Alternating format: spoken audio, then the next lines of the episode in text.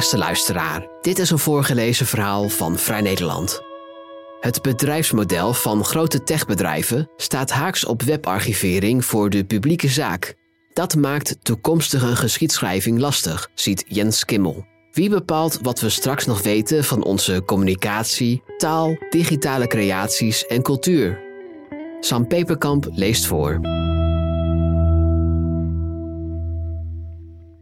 Op 17 juli 2014 stort vlucht 17 van Malaysia Airlines onderweg van Amsterdam naar Kuala Lumpur rond half twee smiddags neer in een veld in de buurt van Donetsk. Drie uur later plaatst Igor Girkin, pro-Russische separatistenleider en minister van Defensie van de zogenaamde Donetsk Volksrepubliek, een bericht op Vcontact, een Russisch sociaal medium. We hebben net een vliegtuig neergehaald, een AN-26. We hebben waarschuwingen gegeven om niet in ons luchtruim te vliegen.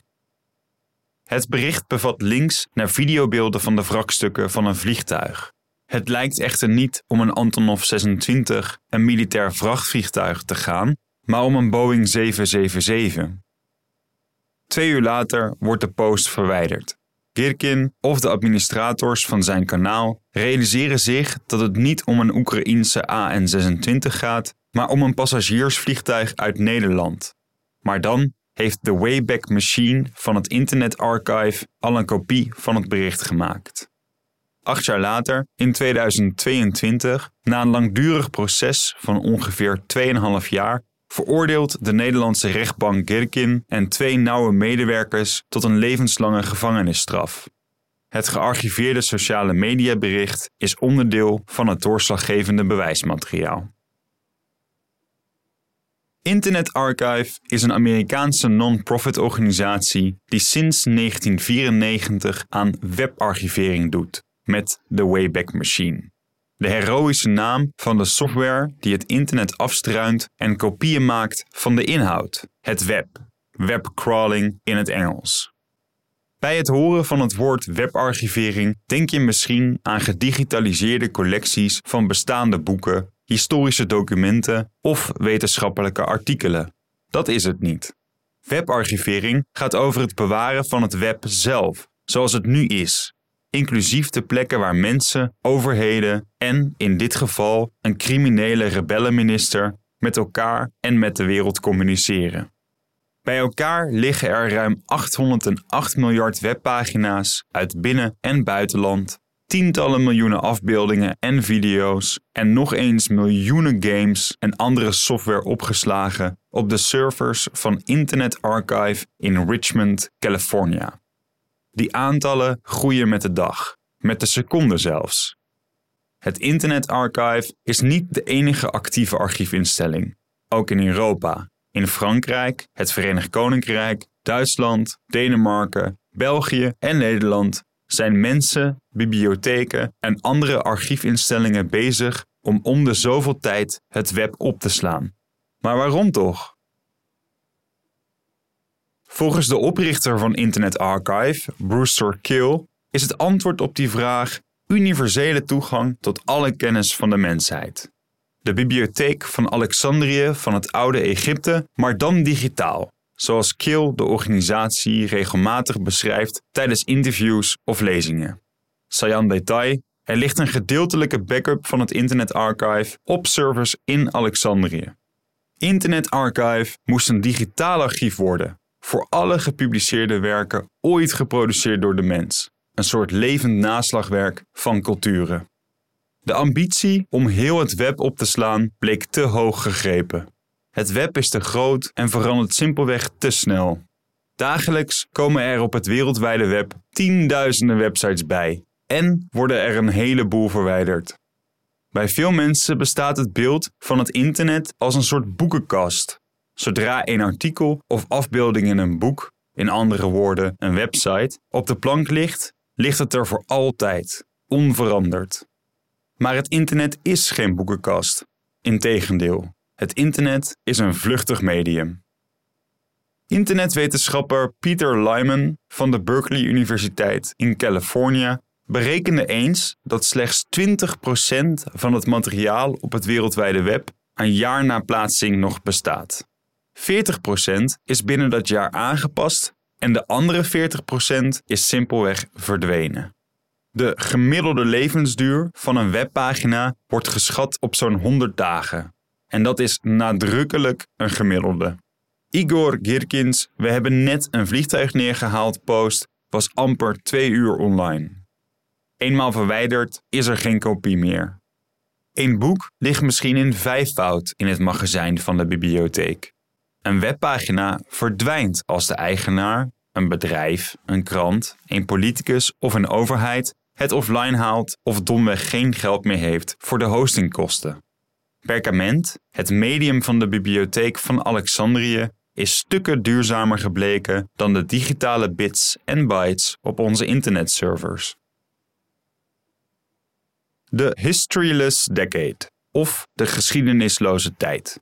Zo wordt de periode vanaf begin jaren 90 onder internetwetenschappers en archivarissen ook wel genoemd. Er gebeurde in die tijd ontzettend veel online, maar wat precies, dat zullen we nooit weten. Er was, behalve Brewster Kill misschien, geen haan die kraaide naar archivering van het web. Veel van het digitale materiaal is de afgelopen 30 jaar verloren gegaan en daarom is terugkijken moeilijk. Terwijl het web historici, journalisten, juristen en andere geïnteresseerde burgers in theorie juist een schat aan informatie over de verleden tijd biedt, niet gemaakt door overheden of rijke personen, maar user-generated. Alt0169.com bijvoorbeeld. Tussen 1999 en 2001 de voorloper van Geen Stijl, is een website die voorgoed verloren is gegaan. Alt0169 was een van de eerste weblogs, later blogs, van Nederland en werd populair door het plaatsen van korte nieuwsberichten en vooral door het mogelijk maken van discussie onder lezers. Een andere website die niet meer bestaat is Hives.nl, een van de vroege sociale media uit Nederland. Met in 2010 meer dan 10 miljoen accounts zou een huisarchief boekdelen spreken over de ontwikkeling van de Nederlandse online cultuur, communicatie en taal. Het internet mag dan geen boekenkast zijn, het zijn overwegend nationale bibliotheken die, grofweg sinds de eeuwwisseling, in Europa zijn begonnen met het opslaan van het web. De Bibliothèque Nationale de France, de British Library, de Deense Königliche Bibliothek en de Deutsche Nationalbibliothek. In Nederland maakte de Koninklijke Bibliotheek in 2007 haar eerste kopie van een website. Inmiddels heeft de KB meer dan 20.000 websites van publiek belang opgeslagen op haar servers. Voorbeelden zijn de websites van de Nationale Ombudsman, de Speld, de Universiteit van Wageningen en de blog van Arnon Gunberg. Maar ook websites met veel user-generated content, zoals een forum voor christelijke LGBT'ers, Euroforum LGBTChristians.eu of het FIFA Forum forum.viva.nl, een weblog van tijdschrift Viva. Toen Viva medio 2021 aankondigde het forum offline te halen, begon de KB snel met kopieën maken. Je kunt niet het hele web archiveren, maar je kunt wel af en toe een momentopname maken, zegt Sophie Ham, coördinator webarchivering bij de KB. Ham houdt zich bezig met archivering van het zogenaamde Nederlandse internet. Dat gaat niet alleen over webmateriaal in het Nederlandse domein, URL's eindigend op .nl of bijvoorbeeld .rotterdam, maar ook over alle websites in het Nederlands of websites die eigendom zijn van Nederlanders op andere domeinen, zoals .com of .eu. Bij Internet Archive werken ruim 160 mensen bij de KB zijn er 10 medewerkers parttime met webarchivering bezig. De KB moet daarom selectief zijn, legt Ham uit. Het kan bijvoorbeeld niet elke week een complete domain crawl uitvoeren. Zo noemen webarchivarissen het wanneer je een breed net uitgooit over het hele Nederlandse internetdomein en een relatief oppervlakkige momentopname maakt. Dat is wat Internet Archive doet alle homepages opslaan en dan nog één laagje verder, vertelt Sophie Ham. Als wij de website van de Universiteit van Amsterdam archiveren, die is nogal groot, willen we ook zeker weten dat we alle pagina's van de afdeling biologie en alle pagina's van de faculteit geesteswetenschappen hebben. Niet één, maar twee of drie slashes in de URL verder. In plaats van brede domain crawls doen de KB en andere erfgoedinstellingen zoals Stichting Beeld en Geluid, verantwoordelijk voor het opslaan van audiovisueel materiaal uit Nederland, of het Stadsarchief Amsterdam aan event harvesting. Het gaat dan om archiefcollecties over belangrijke gebeurtenissen van publiek Nederlands belang. Ham zegt: We hebben bijvoorbeeld een collectie met maatschappijkritische websites aangelegd, met onderwerpen als de Zwarte Pieten-discussie, klimaatontkenning of de stikstofcrisis. Dergelijke websites wil je veiligstellen voor toekomstige generaties. Er is nog een belangrijke reden dat erfgoedinstellingen in Nederland niet breder kunnen crawlen. Er bestaat in Nederland geen wettelijke grondslag voor webarchivering, oftewel depotwetgeving, die organisaties, doorgaans bibliotheken, aanwijst als archiefinstelling. In de meeste West-Europese landen bestaat zulke wetgeving wel. De British Library bijvoorbeeld maakt met een domain crawl gemiddeld twee keer per jaar een grove doorsneekopie van het zogenaamde Britse internet. Dat is legaal door de aanwezige depotwetgeving. Friedel Gerard, deskundige op het gebied van webarchivering aan de KBR, de Koninklijke Bibliotheek van België, legt uit hoe deze wetgeving zich heeft ontwikkeld. Zij zegt: Oorspronkelijk spraken de depotwetten over fysieke bronnen, zoals boeken, allerlei soorten documenten. Later kwamen daar digitale dragers bij, floppy disk, CD-ROM. Weer later, toen het internet opkwam en later webarchivering, hoefden ze alleen maar het woordje digitaal toe te voegen aan de wet. Nederland is dus een uitzondering op die regel.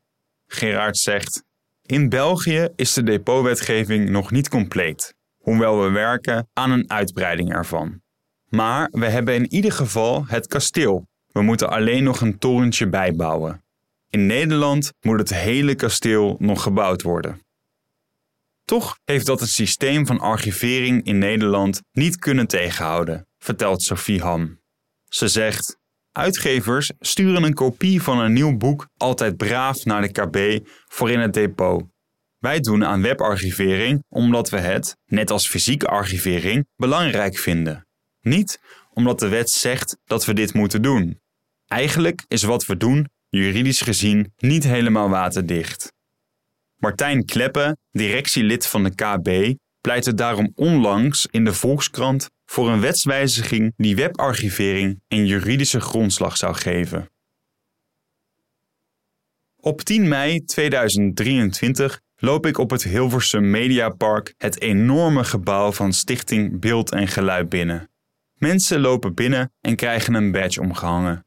Ze zijn in Hilversum voor de zevende editie van de Web Archiving Conference.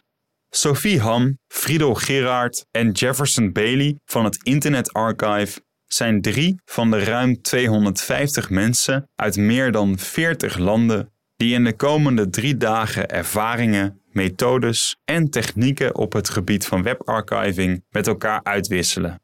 De aanwezige instellingen, voornamelijk bibliotheken, zijn verbonden in het wereldwijde netwerk International Internet Preservation Consortium, het IIPC, dat de Web Archiving Conference jaarlijks organiseert.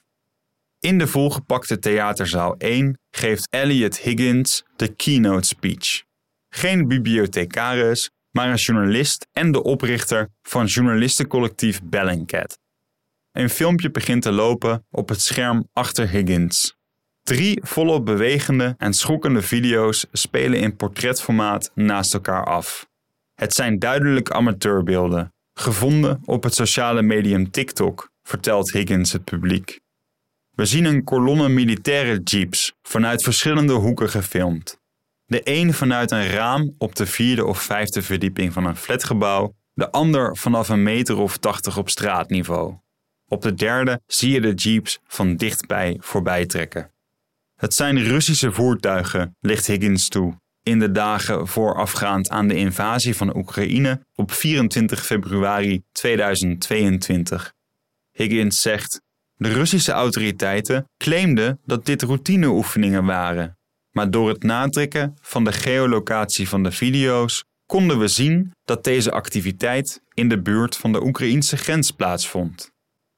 In zekere zin is Bellingcat zijn eigen privé webarchivaris. Het slaat publieke sociale media content op, voorkomt zo dat belangrijk materiaal voorgoed verloren gaat en gebruikt dat als bron voor onderzoeksjournalistiek.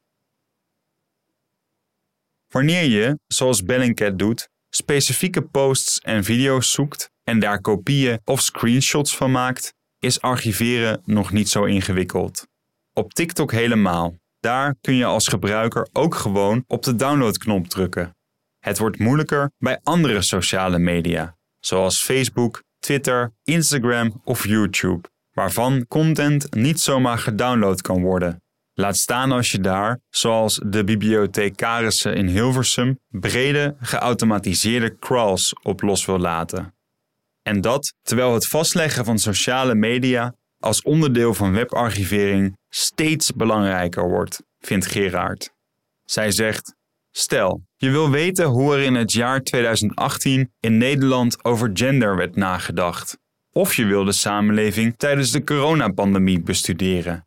Dat kan bijna niet meer zonder content op sociale media. Ik ben zelf historicus, maar ook voor sociologen, politicologen, communicatiewetenschappers of linguisten zijn sociale media tegenwoordig uiterst belangrijke bronnen.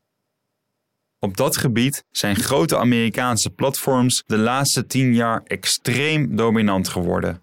Waar veel Nederlanders in de eerste tien jaar van het mainstream internet, grofweg tussen 1995 en 2005, nog een eigen blogpagina hadden bij providers als Access for All of Euronet, communiceren ze nu via die platforms met de wereld. Instagram, Facebook, Twitter of TikTok. Ook lokale sociale media werden weggeconcurreerd. Hives is daar een goed voorbeeld van. De ingewikkeldheid van sociale media-archivering zit hem in een paar dingen, volgens zowel Gerard als Han. Ten eerste heb je te maken met dezelfde vluchtigheid die inherent is aan het internet, maar dan extremer. Sociale media zijn een soort internet op steroïden. De inhoud verandert zo snel dat er moeilijk tegenaan is te archiveren. Ten tweede moeten webarchivarissen, net als elke organisatie die persoonlijke gegevens opslaat, voldoen aan individuele rechten op privacy, vastgelegd in de Algemene Verordening Gegevensbescherming en aan beperkingen volgens het auteursrecht. Maar belangrijker nog, archiefinstellingen zijn afhankelijk van grote techbedrijven die niet zitten te springen om archivarissen en crawlers op hun platforms binnen te laten. Content op Facebook, bijvoorbeeld, is volgens Gerard notoire moeilijk vast te leggen. Ze zegt, omdat ze telkens de technische structuur van het platform veranderen. Als iemand een methode bedenkt, is die na korte tijd alweer onbruikbaar.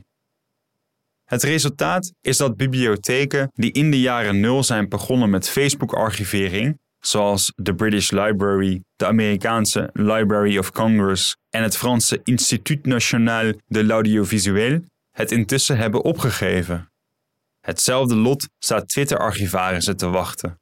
Eind maart veranderde de nieuwe Twitter-eigenaar Elon Musk de voorwaarden voor toegang tot de zogenaamde programmeursachterdeur van het platform, de Application Programming Interface of API.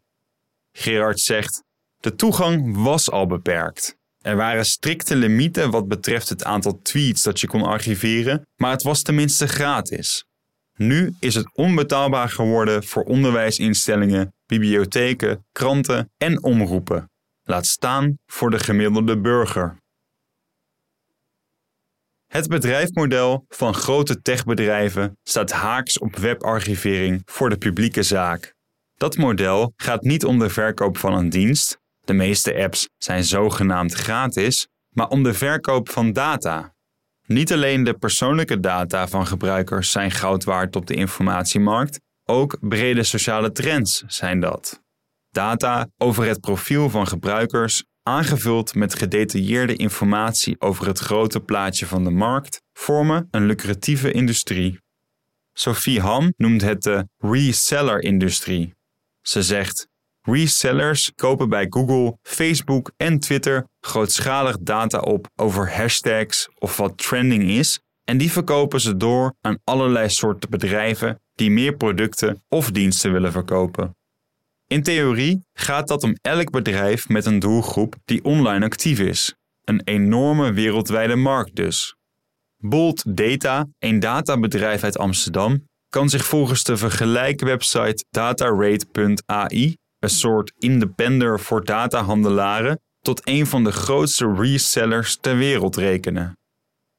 Het lijkt wel alsof Twitter zich onder Elon Musk ineens bewust is geworden van het onbenutte kapitaal van het platform. De API was immers onder bepaalde voorwaarden vrijelijk te gebruiken door onderzoekers en dat kostte geen geld.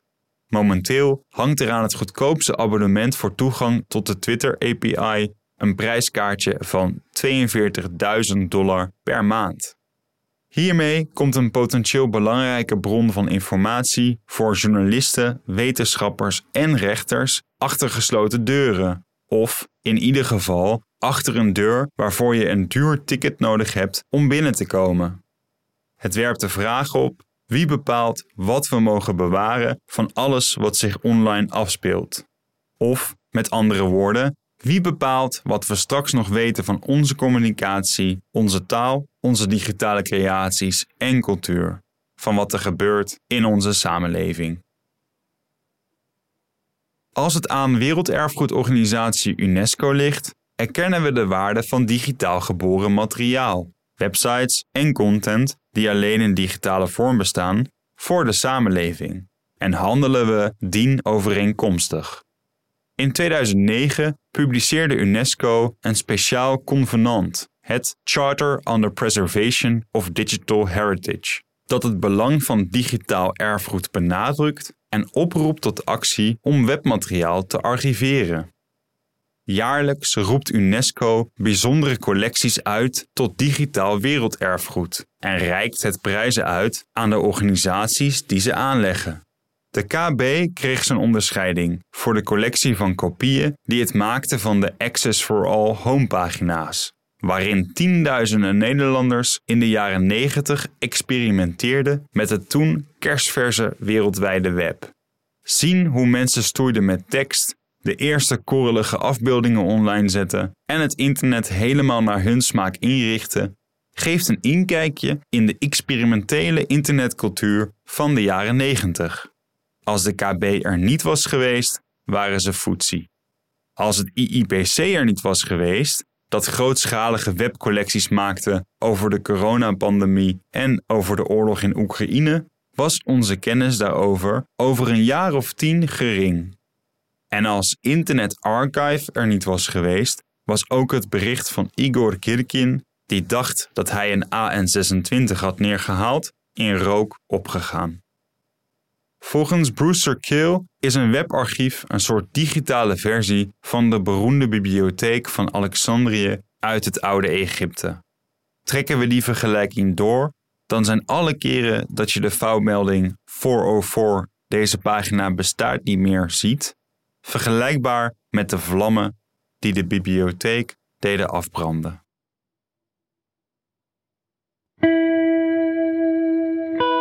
Wil je meer verhalen van ons lezen of beluisteren? Kijk dan op vn.nl of abonneer je op Vrij Nederland in je podcast-app. Voor onze trouwe luisteraars hebben wij ook een speciale actie. Een half jaar Vrij Nederland online voor maar 15 euro. Kijk voor de aanbieding en de voorwaarden op vn.nl/podcast. Bedankt voor het luisteren.